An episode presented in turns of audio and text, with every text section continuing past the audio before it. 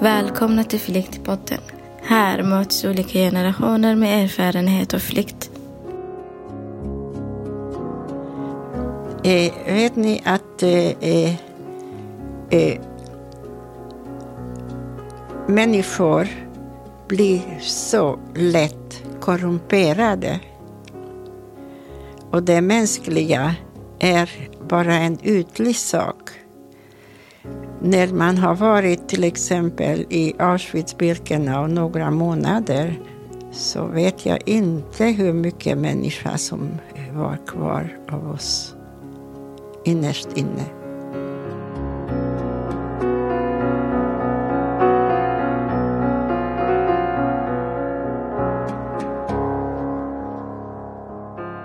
Jag heter Roda och är 26 år gammal.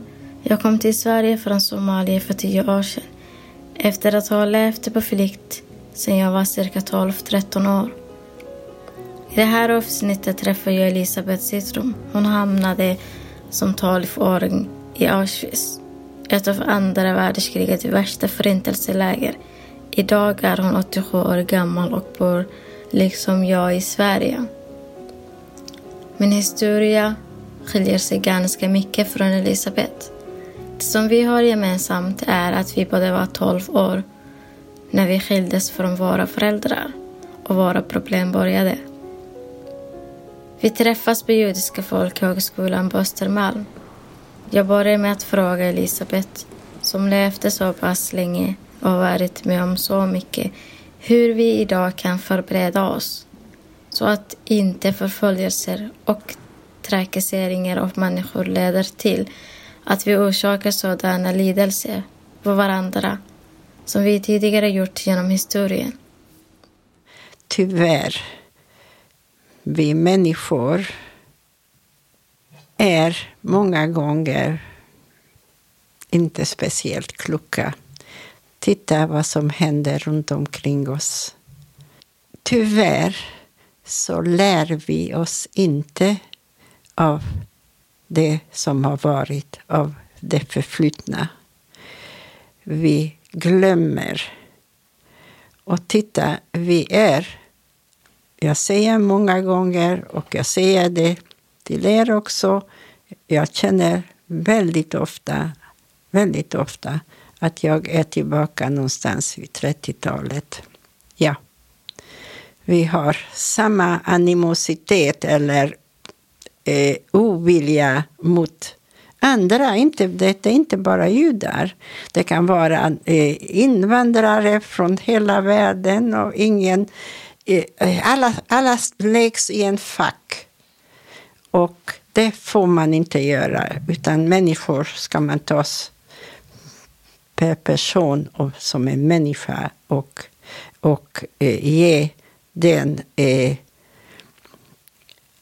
ska jag säga, eh, ge, ge dem möjlighet att, att vara mänskliga mot sinsemellan och alla andra människor. Tyvärr så är det inte fallet. Jag har aldrig varit rädd riktigt. Men nu känns det väldigt, väldigt osäkert. Om det är Sverige, Amerika, det är hela världen sak samma. Det, vi, kan inte, vi kan inte fly, det finns ingenstans att fly. Precis som det fanns ingenstans att fly 1940. Kan ni någon, någon säker ställe i världen som man kan säga att man kan överleva? Jag kommer på mig själv att inte kunna säga någon plats där man är, där man kan vara helt trygg. Jag känner mig på ett sätt trygg här i Sverige, men inte helt och fullt. Dels på grund av hur det ser ut i övriga världen, men även på grund av den rasism som finns här i landet. Vi lämnar dock världsläget och jag berättar min historia för Elisabeth. Får jag be dig, Roda, att du talar tydligt för att det inte alltid... Jag hör, men, hör bra, men, men eh, om man talar väldigt snabbt så någonting går förlorat. Okej, Ja. tack ska du ha. Absolut. Ehm, då börjar jag. Ja.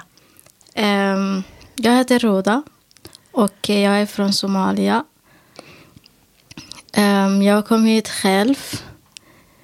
Ehm, tanken var att jag skulle ha bott med någon släkting, men det hände aldrig.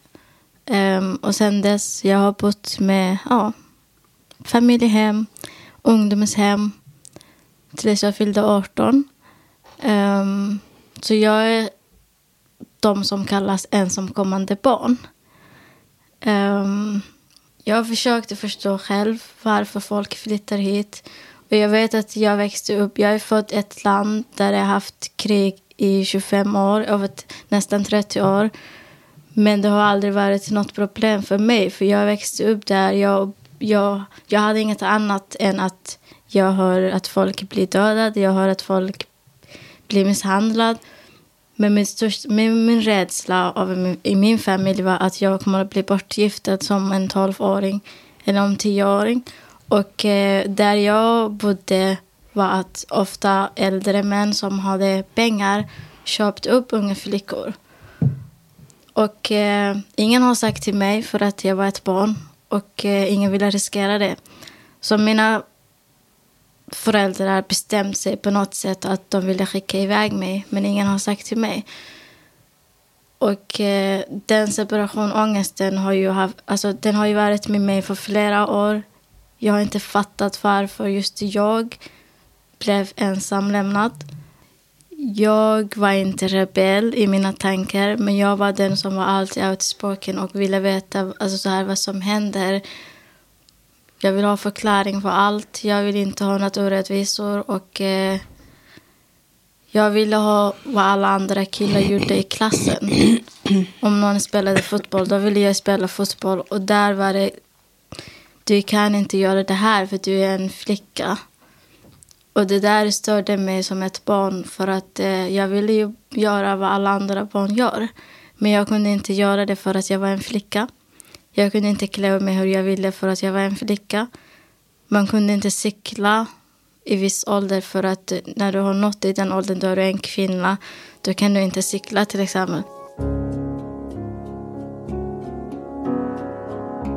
Jag fortsätter att berätta min historia för Elisabeth och kommer in på dagen då mitt liv på flykt började. Det var en tidig morgon då min mamma hjälpte mig att göra ordning innan jag skulle gå till skolan. Hon valde mig till skolan den dagen. Hon kramade mig och jag gick från henne. Det var en helt annan sida av min mamma. Hon brukade inte gå med oss till skolan, för hon hade aldrig tid. Men det var en jättefin stund och jag misstänkte ingenting. När hon skulle hämtat mig då kom hon aldrig. Istället hennes kusin kom och hämtade mig. Och det var sista morgonen jag såg henne. Sen efter det var jag i olika kamp, i olika gränser, i olika hem hos någon släkting. Och det, min, det enda fråga som jag alltid hade var så här, när kommer min mamma? Alltså när kommer min farmor? Som var en mamma till mig, som alltid förstod mig typ. Oavsett hur jobbig barn jag var. Och då var det, oh, men din mamma kommer att hämta dig men vi vet inte när. Jag kommer ihåg att en morgon när jag frågade min moster som är min mammas kusin kan du inte berätta vad som händer? Så sa hon, om jag ska vara ärlig så vet jag inte om dina föräldrar så här lever fortfarande. Och då tänkte jag, okej, okay, men det har ju varit flera månader. Du kunde, ha, du kunde lika gärna sagt det innan. Och hon bara, ja, men jag ville inte oroa dig. Det, det minsta man vill höra som en tolvåring är ju, jag vet inte om dina föräldrar om din familj lever fortfarande. För att eh, den byn har ju varit, det har varit krig med islamister och, och regeringen och då har alla har ju flyttat de som kunde och de andra vet man aldrig. Och jag tror att det vill där någonstans var det så här. Jag kommer att vara som alla andra tolvåringar som man ofta hör från radio. Som har inga föräldrar, som är som, ja, som kommer att hamna någonstans där ingen vet vem de är. Det var väl en tanke som jag hade som en 12-åring, 13-åring som inte vet vad hon ska göra.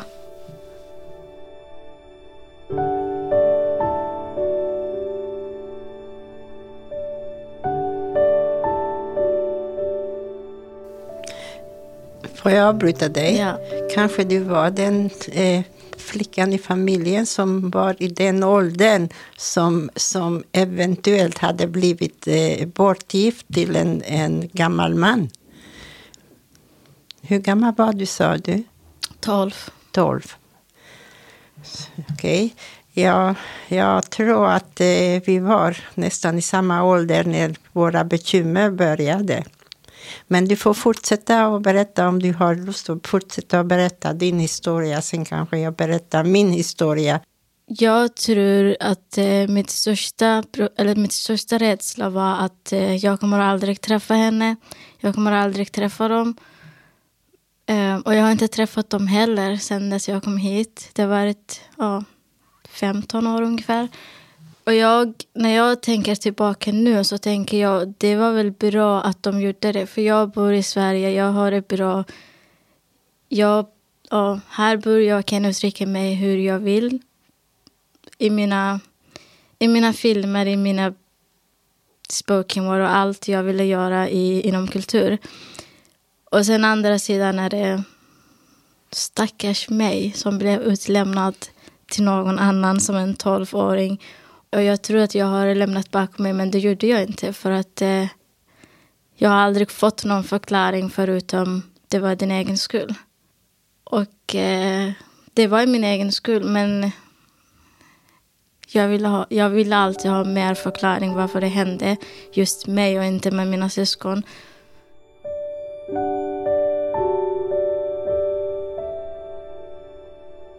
Jag vill ställa en fråga till dig.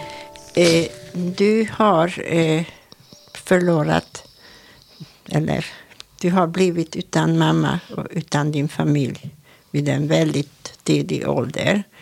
Och så småningom så har du väl hittat till rätta för du har hamnat i Sverige. Du har hamnat i ett land som du får vara dig själv.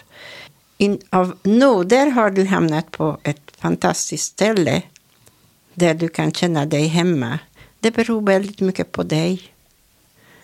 Att du förlikar dig, att du, att du, att du på något sätt eh, gör en liten uppehåll och tänker på nu och här. Eh, jag vet inte om, om, jag, om, om, om du förstår vad jag menar. Aha. Att du släpper lite grann. Jag vet att det gör ont jag ska berätta för dig min historia. Men jag vet att det gör ont och det är inte lätt att släppa det som har hänt. Att, att du har, dina föräldrar eller din mamma har släppt dig. Du fick åka iväg och har gått igenom så många jobbiga saker på väg till Sverige. Men det är ett under att du har hamnat här. Och det är fantastiskt att vara här.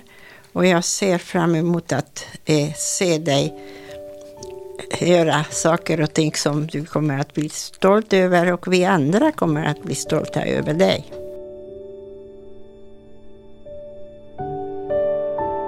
Vi går vidare med vårt samtal och Elisabeth berättar sin historia för mig. Hon föddes i Ungern och tillhör de judar som alldeles i slutet av andra världskriget deporterades till Tyskland. Då var nazisterna desperata och gjorde allt för att så snabbt och effektivt som möjligt ta koll på de judar och andra folkgrupper som kom med tågen till förintelselägren. Det här var alltså i slutet av det som vi idag kallar Förintelsen. När andra världskriget var slut hade Nazityskland mördat cirka sex miljoner judar. Också romer och blacker utsatt för folkmord grundade på rasistiska föreställningar. Nazityskland förföljde, fängslade och dödade tusentals andra människor, bland annat många funktionsnedsatta och homosexuella. Jag frågade Elisabeth hur det hela började. Hur gick till när hon var 12 år och hennes problem började.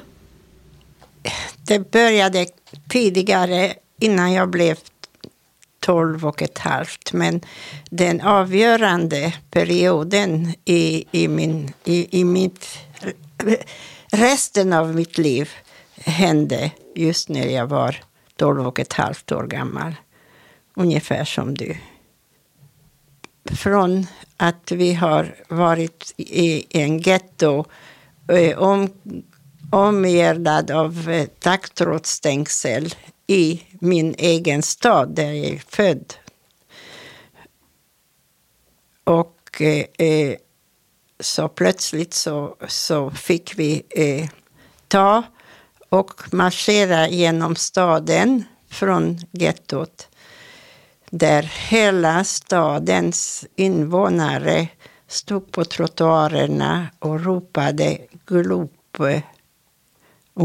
efter oss applåderade att vi lämnar staden. Tills vi kom till järnvägsstationen. Och det var första gången där jag har träffat eh, eh, tyska soldater. Och då blev vi inhysta i, i stora boskapsvagnar. Och det, det, nu, talar, nu talar vi om våren 1944. Och då är vi på väg någonstans som vi inte vet vart. Ingen aning. Det var varmt. Det var bara små, små fönster. var försedda med taggtråd så man kunde inte ens titta ut. Jag vet inte hur många dagar vi var på väg.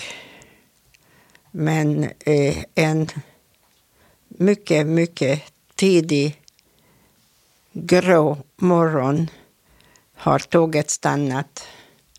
Och, och det första jag såg det var en stor grå massa bakom hög taggtrådsstängsel, belyst. Och jag fattade inte, jag trodde att eh, det är eh, UFO, vet ni vad UFO är? Alltså, jag trodde att det var utomjordiska. Så såg det ut. Men inte många timmar senare var jag en av dem. För jag hamnade, jag, jag, jag var i Auschwitz. Elisabeth hamnade alltså som tolvåring i Auschwitz-Birkenau. Det var en av de så kallade förintelselägren där man nazisterna alltså, precis som det låter på olika sätt, tog död på människor. Hon fick flytta in i barnbrack nummer åtta tillsammans med en massa andra unga flickor där de fick klämma ihop sig och sova på träbritsar. Jag frågar henne vad som hände med hennes övriga familj. Vad jag inte nämnde, det som är så, som, som mest smärtsamt, jag kommer inte att gråta, men, men faktum är att eh, eh när vi anlände till Auschwitz så har vi blivit uppställda, kvinnor för sig, män för sig. Då, och jag var med, med min mamma och mormor. Och eh, mormor var 72 år eller 73 år gammal. Och det stod en väldigt stor eh, lastbil övertäckt och ett stege. Och de ropade ut eh, högt att de som inte kan gå så finns det eh, bil som man kan använda för att komma till rätta. Och då sa min då 38-åriga mamma sa till mig, jag måste nog ta och hjälpa mormor att klättra upp i den bilen. Och det var den sista gången som jag såg min mamma.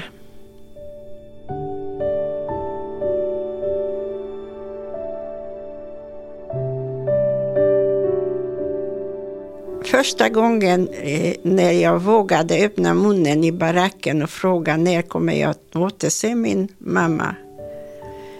Och då har kappon tagit mig i armen och tagit mig ut från baracken och sa titta upp på, på eh, eh, skorstenen när du går ut samma väg som de har gått.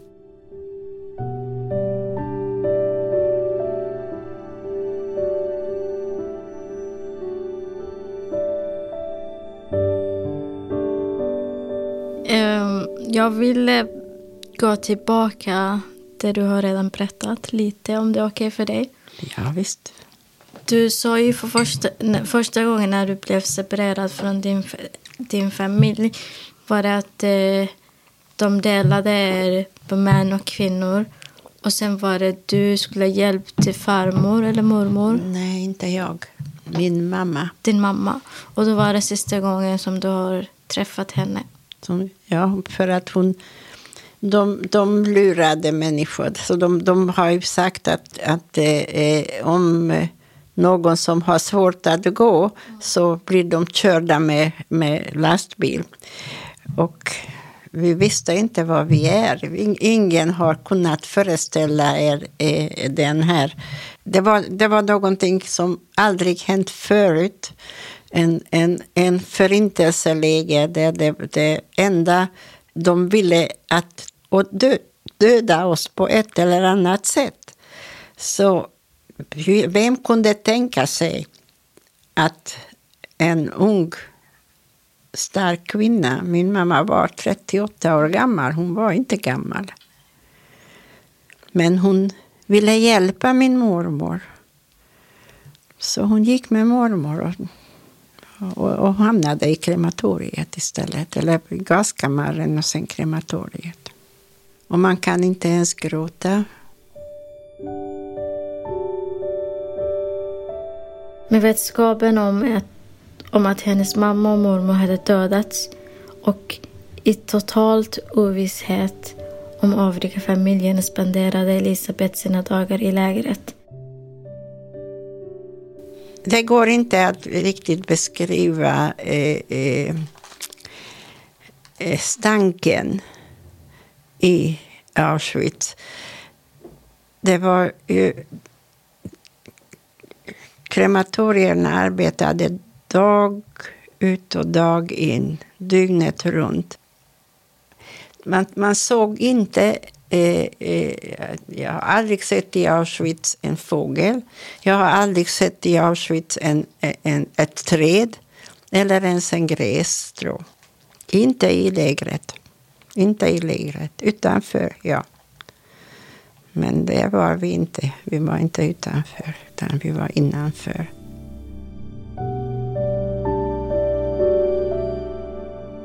Livet i Birkenau var från ena dagen till den andra. Man visste aldrig när jag blir selekterad och skickad någonstans.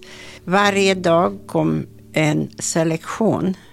När, de, eh, när alla som till exempel i min barack får klä av sig och gå ut ur baracken och ställa sig framför Mengele, Eh, han var läkare, och eh, eh, tyska soldater, naken med trasorna som vi hade som kläder på vänster arm och eh, eh spacera förbi och sen gå över till andra sidan ena eh, baracken motsvarande vår barack. För då har de hunnit natten innan att kremera den, de invånarna i baracken som var mittemot vår barack. Det, det, det var ju en, en, en, en fruktansvärt eh, komplicerad berättelse som jag berättar, för det är väldigt svårt att förstå detta.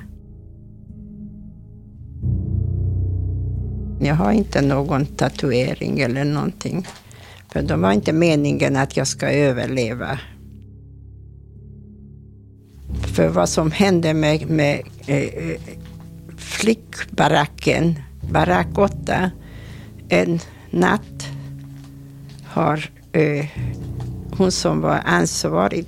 Och sent på kvällen eh, gick hon runt eh, baracken och väldigt lågmält talade om att eh, flickor, ni som kan lämna baracken före klockan tolv, gör det för baracken kommer att förintas, föras till krematorierna. Och det gjorde de. Och jag, jag, jag är här. Men hur jag kom hit, eh, ut, det fanns inte många möjligheter att komma ut. Det fanns, Eh, jag, jag låg på översta eh, och det fanns ett fönster som öppnades inåt. Och jag vet inte, jag hoppade. Fråga jag mig. tänkte eh, när, du, när, du, när ni fick så här att eh, det ikväll kommer att hända någonting innan tolv. Ja. Du hoppade av genom fönstret. Ja. Var du ensam eller var det flera som försökte? Sent om sidor, mycket sent om sidor så visade det sig att det var många fler som var så duktiga som jag.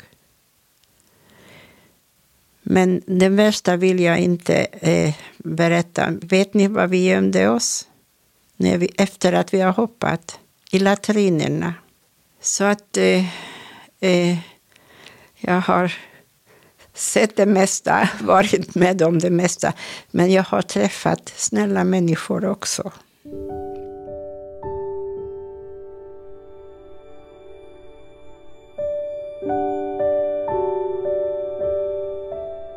Elisabeth har verkligen varit med om mycket.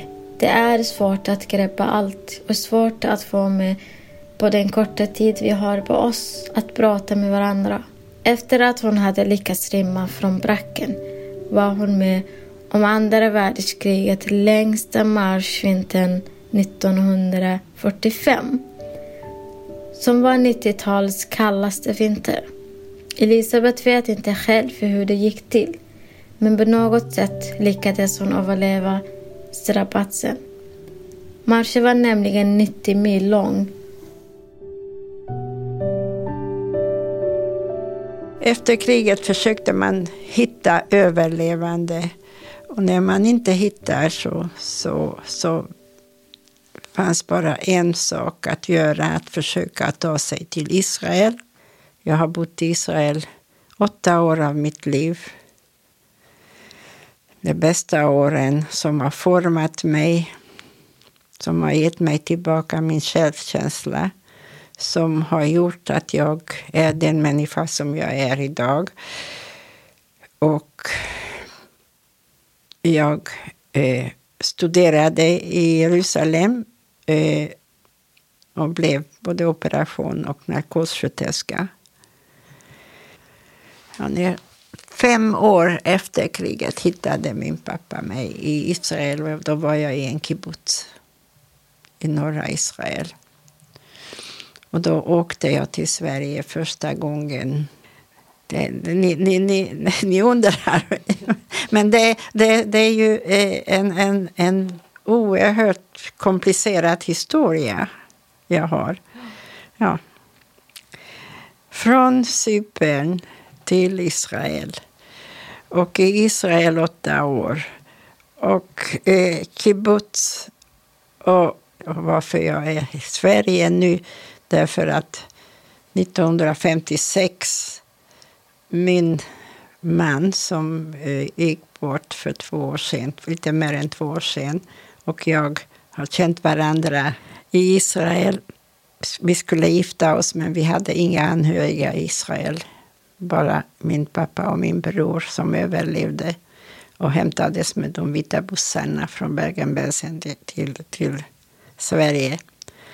Så jag kom, vi kom 56 bara för att gifta oss. Och det har varit för 63 år sedan.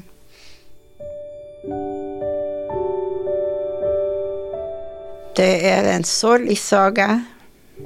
Men jag hoppas att din saga tar samma vändning, att det från allt det sorgliga blir en, en glad saga. Att du känner att du har kommit hem fastän du inte är hemma. Jag har inte kommit hem heller. För jag är fortfarande där när jag tänker på, på allt det som... Eller när jag drömmer och när jag vaknar på nätterna och jag är rädd att jag är tillbaka. Så det, det, det, det är många, många saker som förändras eh, tack vare upplevelserna, tack vare händelser som äger rum i vår tillvaro. Jag är nöjd med min lott i livet. Jag har varit utsatt för mångt och mycket, men vet ni att från varje, varje liten händelse på något sätt blir man starkare och lär man sig någonting. Och jag har inte blivit klokare, men jag, jag har blivit en människa som värdesätter sin nästa. Det Mycket. där var ju klokt sagt. Men det jag vill säga till dig var att jag kan inte tänka mig hur det var för dig att gå igenom alla dessa hemska saker och att vara 12 år. Um, det jag kan relatera till dig är att vara 12 år och bli separerad från sin familj. Um, och jag hoppas att alla som kommer att lyssna det här kommer att lära sig något och bli inspirerad och eh, bli starkare och starkare som en människa. Och att vi alla är människor och vi behöver varandra. Älska varandra och vara en människa. Precis så. Jag tycker det är det viktigaste. Jag uppskattar dina ord. Jag är en gammal tant. Du är en ung tjej. Och ändå besitter du väldigt mycket eh, kunskap och du är klok. Och jag önskar verkligen, jag önskar verkligen att höra så småningom en vacker dag när du, när du har lust att du ringer upp mig och säger Elisabeth, jag vill träffa dig igen bara för att träffas. Tack, den här gjorde min dag. Tusen tack för att du är så inspirerande.